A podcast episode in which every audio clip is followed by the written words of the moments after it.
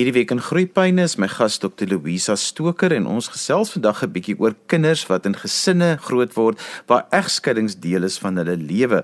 Nou Dr. Louisa Stoker is 'n familieberader. Vandag se onderwerp het ek gekies na aanleiding van 'n brief van 'n luisteraar en ek gaan so twee paragrawe daaruit lees. Kan ons nie vir 'n slag op 'n dag of dalk weer gaan kyk na die emosionele agterstand van ons kinders wat in gebroke huise moet oorleef nie? Ek dink veral aan die aanvanklike maande na die breek tussen ouers voorgekom het en die kind by die huis by die een ouer bly en verlang na die ander en as dit skooltyd is, moet hy of sy presteer en perform asof daar niks verkeerd is nie. Ek dink sommer aan Sias Reyneke se liedjie Wiesel kom nag sê en die seer wat baie keer net deur die een party van die gebroke egpaar beleef moet word, aangesien die ander een groener weivelde gaan vind het en die kind sy of haar eie seer moet deurwerk en ook die seer van die ouer wat self huil moet sien en beleef. Louise, dit bly maar 'n moeilike situasie in Suid-Afrika. Ons het een van die wêreld se hoogste egskeidingssyfers. So as ons nou hierdie paar paragrawe lees, wat is al die kernaspekte wat jy raak hoor? Johan is heeltemal reg en ek moet sê jy het my daai brief aangestuur het, het ek self weer na Sias Reyneke se liedjie gaan luister en mens kan nie help om trane in jou oë te kry nie, want al is dit iets wat so algemeen in Suid-Afrika gebeur, bly dit hartseer en mens dink aan die individu, jy dink aan daai kind wat dit deurmaak en elke keer is dit hartseer. As ek moet kyk na die faktore wat 'n rol speel vir kinders hoe om dit te hanteer en so, dink ek die goed wat die meeste van belang is, is basies die ouderdom en die persoonlikheid van die kind en dan ook hoe die ouers dit hanteer en wat die rede vir die egskeiding is.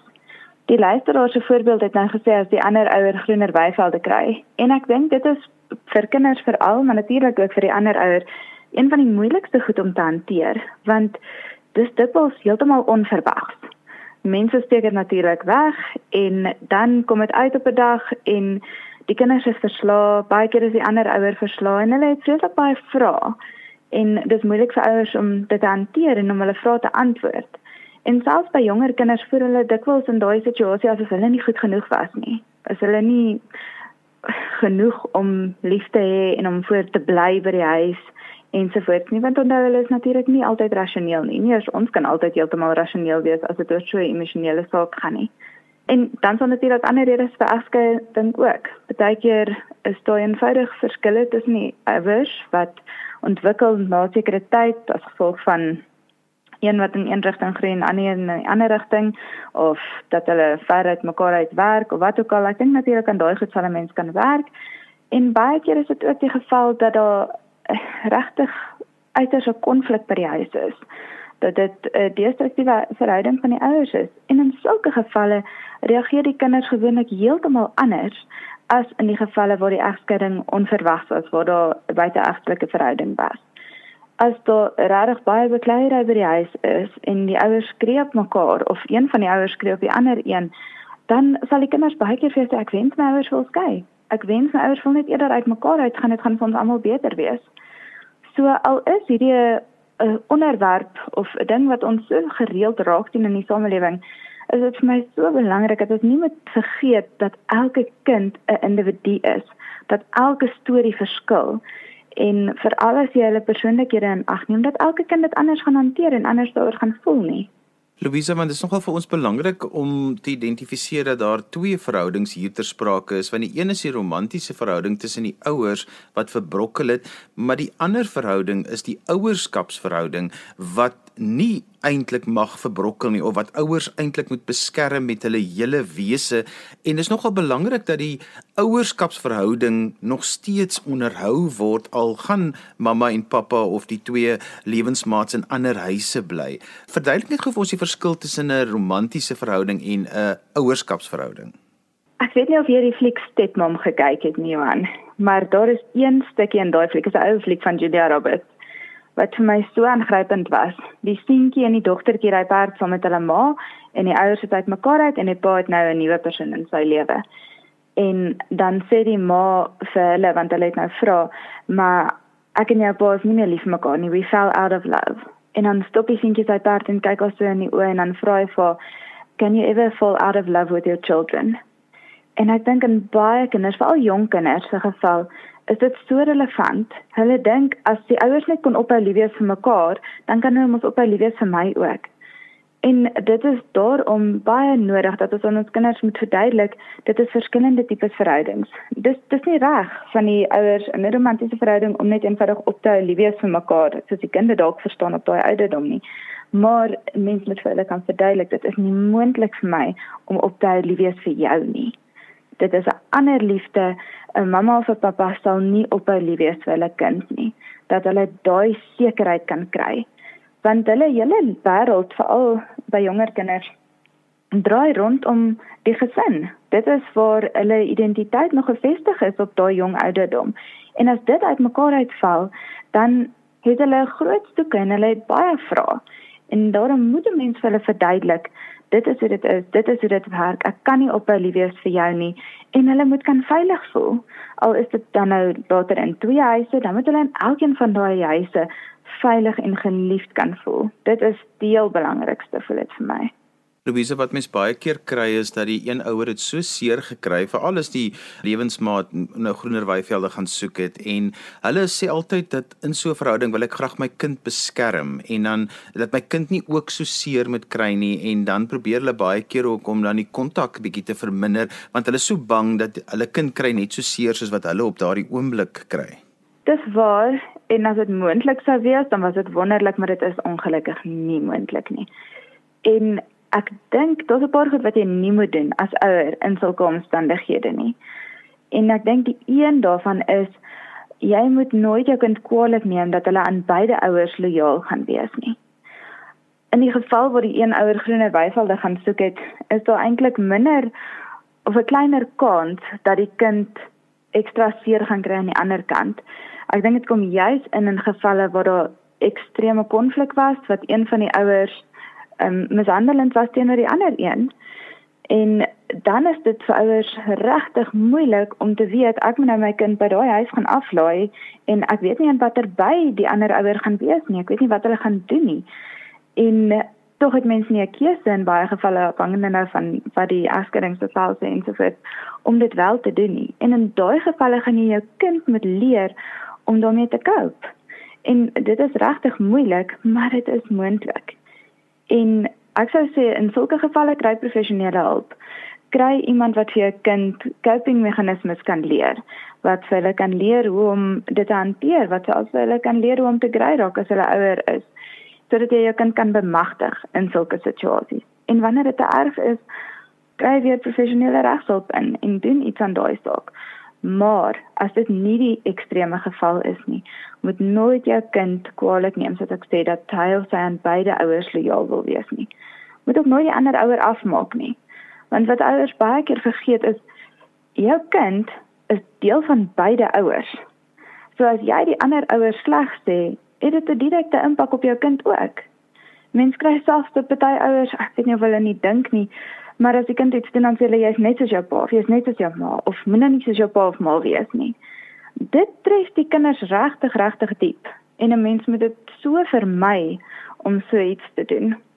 Louisa, een van die sinne wat my in die hart gegryp het wat die luisteraar geskryf het is wat wat gesê het maar hoe gemaak met die verlange want baie keer met hierdie kinders ehm um, die volgende dag met hulle dapper gesig op sit maak asof niks gebeur het nie. Hulle moet nog steeds perform soos hy gesê het, maar die verlange na die ander ouer wat hulle nou weens praktiese redes baie keer net elke tweede naweek kan sien of miskien net elke vakansie. Ja, en ek dink deesdae is dit makliker as in die verlede as gevolg van die kommunikasiemediums wat ons het. Dit gebeur veral met ouer kinders nogal gereeld dat hulle selfs daagliks kontak kan hê met die ander ouer weer eens afhangende van wat nou besluit is. En selfs met die kleintjies ook wat dit heelwat makliker maak. Dit dit is 'n probleem en ek dink die heel belangrikste daar is wees daar vir jou kind, maak seker dat jou kind kan weet hulle kan enige tyd na jou toe kom. Jy sal luister. Maak nie saak hoe fisies jy vir die ander persoon is nie. Hulle moet nog steeds vrymoedigheid hê om na jou toe te kan kom en kan sê ek verlang vandag na pappa of mamma of ek verlang na die tyd toe ons almal saam in die huis gebly het. En dan moet jy ook kan vashou en kan sê ek weet dit is nie maklik nie. Ek verlang ook na die dae toe dit beter gegaan het natuurlik as jy dit eerlik kan sê want daai oop kanale en daai sekuriteit wat jy vir die kind gee, help met hierdie goed. En soos ek gesê het, kinders se persoonlikhede verskil. Wanneer dit nou uitkom dat die ouers gaan skei, sal party kinders woedend wees. Ander sal vreeslik angstig word. Ander sal heeltemal wantrouig word en nie meer hulle ouers vertrou nie of die samelewing of die strukture of die Here dit verskil van kind tot kind en baie keer is iets wat ook 'n groot impak het, die kinders se magteloosheid. Hulle voel my is niks wat ek aan kan doen nie en dan voel hulle nog skuldig ook want waar as hulle jonger is dan dink hulle dit is as gevolg van iets wat hulle gedoen het. Ek het een seentjie gehad wat gesê het hy het foto's gesien van sy ouers voor hy en sy boeties en sissies gebore is en hulle was gelukkig. So dit moet mos hulle skuld wees dat die ouers nou uitmekaar uit is. Mens kan nie altyd die rasio van die kinders verstaan nie. Maar soos ek sê, die kinders se persoonlikhede speel 'n groot rol in hoe hulle dit hanteer. Party kinders is meer aanpasbaar en as die ergste goed oorgewaai het, aanvaar hulle dit die situasie en hulle gaan aan met hulle lewens. Ander kinders probeer heeltemal dit vermy. Hulle probeer die erns of die effek daarvan ontken. Hulle probeer nie daaraan dink nie en hulle gaan in 'n ander fantasiewêreld in. Nie letterlik nie, maar in hulle koppe baie keer om te kan deel daarmee baie kinders raak melankolies en emosioneel. En is al soos jy as Reineke se liedjie van wie sal kom nag sê of ek weet nie of jy die liedjie van Barbara Ray ken, Who's Gonna Tie My Shoes. Baie kinders dink aan al daai implikasies en hoe sleg dit gaan wees en hoe anders dit gaan wees. En daai kinders moet 'n mens veral verseker van jou liefde en bystand en die goed wat nog goed gaan wees.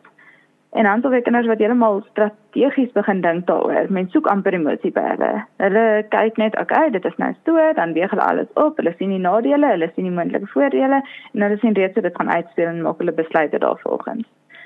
Daarom sê ek dat dit regtig regtig belangrik is dat mens jou kind ken. Jy moet kan sien wanneer hulle dalk ekstra aandag of ekstra koestering nodig het en dit vir hulle gee. Jy moet letterlik jou liefde sigbaar en tasbaar maak nie in geskenke dat dit tussen die ouers afgespeel word wie die grootste geskenk kan gee nie, maar in tyd en in omgee en in daar wees.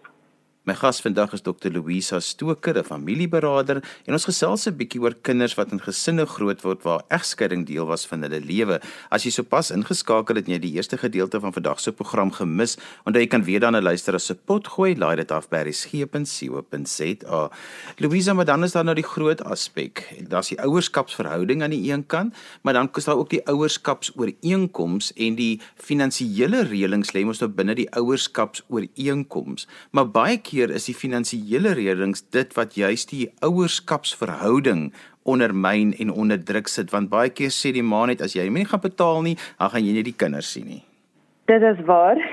En ek gaan glad nie regs advies gee op die radio nie, ek is nie gekwalifiseer daarvoor nie, maar dit is sodat dit gebeur. Kyk, wanneer daar skielik twee huishoudings is en nie een nie, het dit finansiële implikasies as die een ouer nie onderhoud betaal nie, is dit nog steeds nie soos ek dit verstaan die ander ouers se reg om dan die kontak te weerhou nie. Daar is regsprosesse wat in plek gesit kan word.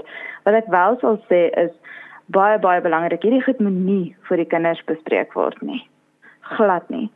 Dit is nie die kinders se verantwoordelikheid nie. Dit het niks met hulle te doen nie.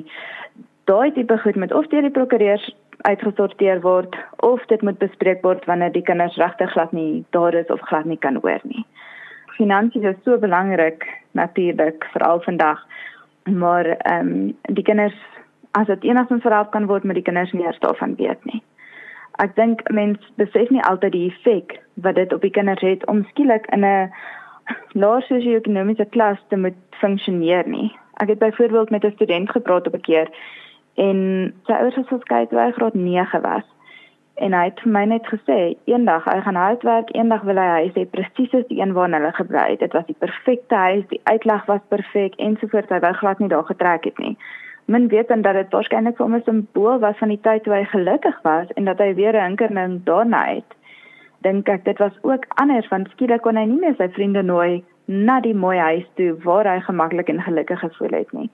So kinders beleef dit in elk geval hulle hoef regtig nie die gesprekke daaroor enigstens te hoor of daarvan deel te wees nie.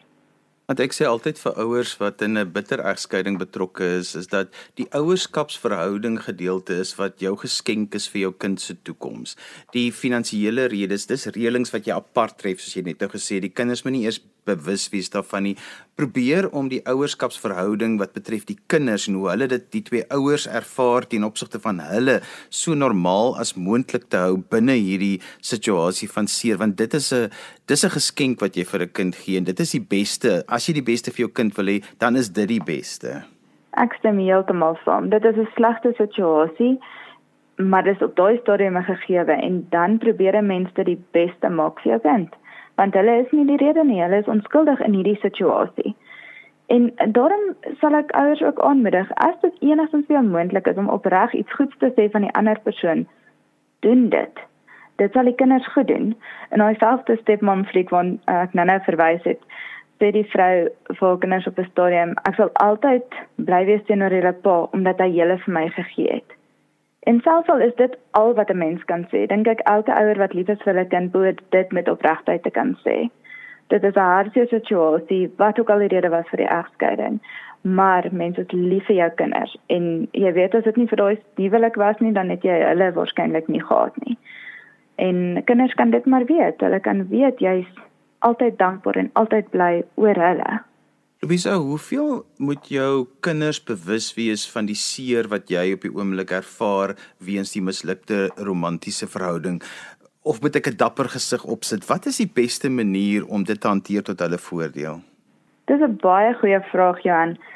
Ek voel sterk daaroor dat mense vir jou kinders moet jok nie, maar ek voel ook sterk daaroor dat jou kinders nie al die inligting hoef te hê nie as hulle vir jou gaan vra wat gaan aan, is jy okay en jy sê net vir hulle nee, alles gaan okay wees, dan gaan hulle jou net eenvoudig nie meer glo nie. Jy gaan jou geloofwaardigheid verloor. Jy kan vir hulle sê, dit is nie lekker nie en mamma is hartseer of pappa is hartseer, maar ons gaan nie deurkom.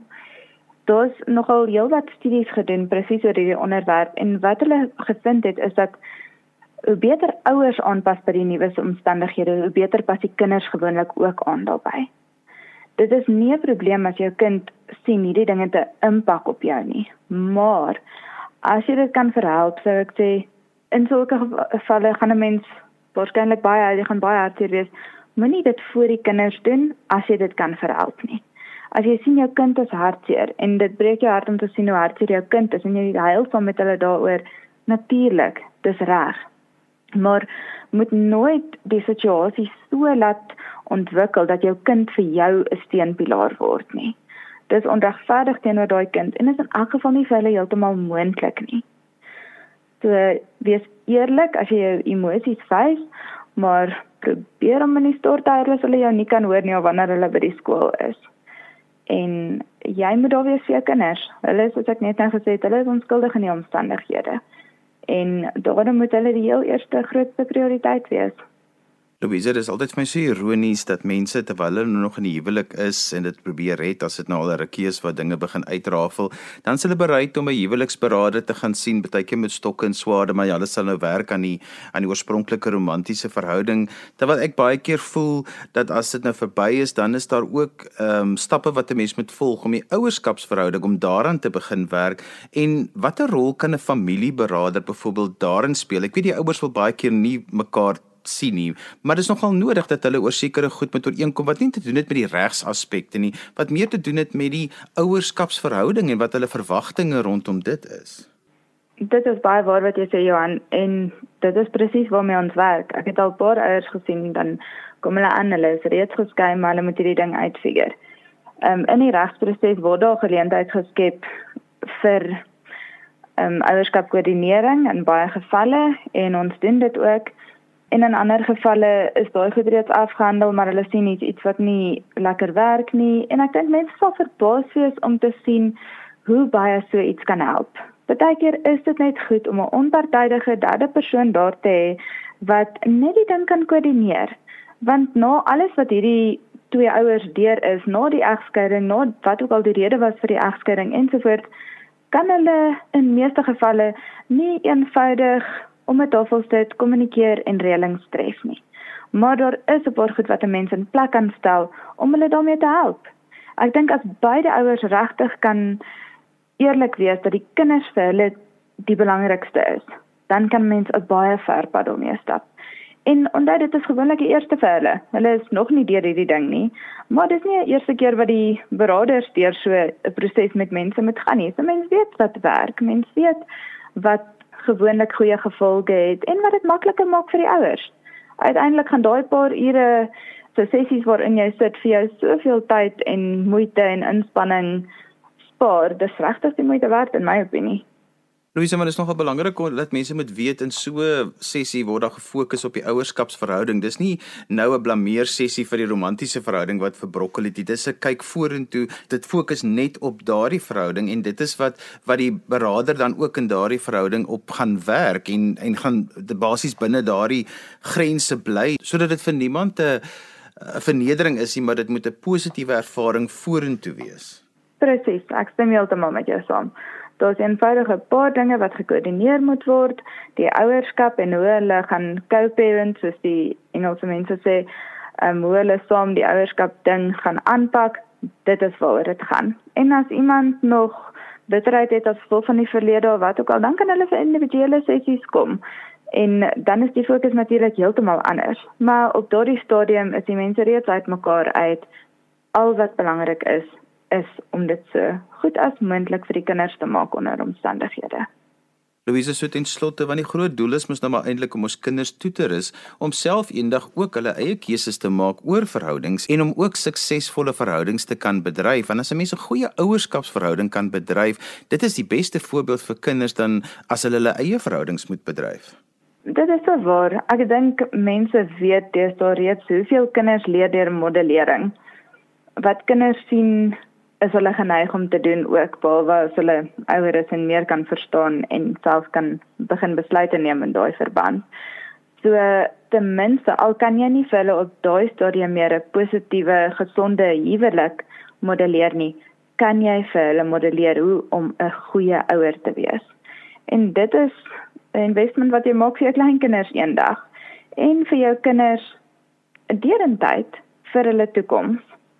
Ek dink as mens kan aanhou byvoorbeeld as die ouers kan ooreenstem dat dissipline nog steeds konsekwent toegepas kan word sodat die kinders nie skielik kan doen net wat hulle wil omdat die ouers verkeerd opgetree het en dalk selfs die egskeiding as 'n verskoning kan gebruik later of wat ook al om te doen wat hulle wil nie.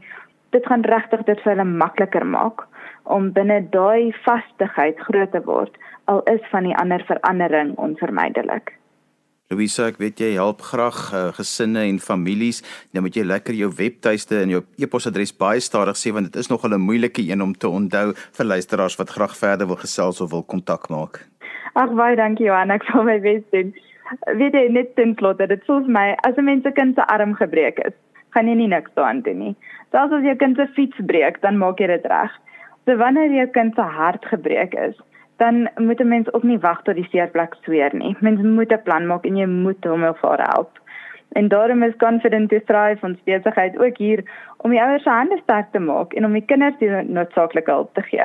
Want elke kind is vir ons belangrik en ek weet die mense se kinders is vir hulle ook belangrik.